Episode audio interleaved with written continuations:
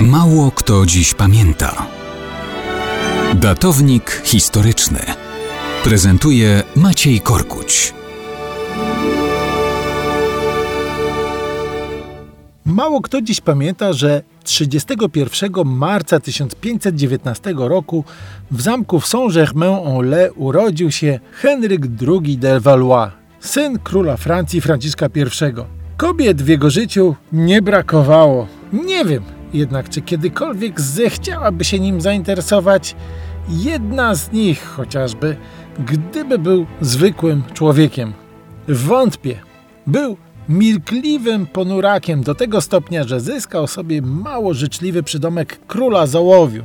No ale jako, że był najpierw królewskim synem, następcą tronu, a potem królem, kobiet w jego życiu nie brakowało. O mały włos zresztą zostałby zięciem naszego Zygmunta Starego i królowej Bony, ale francuska klęska pod Pawią popsuła plany sojuszu z Polską i orzenków z Izabelą Jagielonką. Ostatecznie jego żoną została silna postać francuskiej historii, Włoszka Katarzyna de Medici ale ona musiała dzielić swoje wpływy razem z postacią niezwykle ważną na dworze króla Francji, Dianą de Poitiers. To była zamężna pani, słynąca z urody. Była natchnieniem artystów i, mimo że od Henryka starsza o 20 lat, została jego kochanką i wpływową faworytą. Król z miłości podarował jej piękny zamek Chenonceau, a królowa z wściekłością musiała patrzeć na jej istnienie.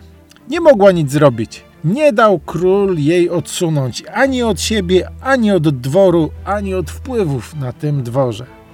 Piękna Diana de Poitiers miałaby jeszcze perspektywy dalszego funkcjonowania w zbytku i sławie, gdyby nie namiętność Henryka do turniejów rycerskich. W jednym z nich Henryk został przypadkowo ugodzony odłamkiem z ukruszonej kopii i umarł. I wtedy dopiero Katarzyna Medycejska skorzystała z okazji. Szybko wyrównała porachunki z Dianą de Poitiers. Jeszcze na dobre po mężu nie wyschły jej łzy na twarzy, kiedy kochankę pozbawiła wpływów, pozbawiła zamku i usunęła z dworu.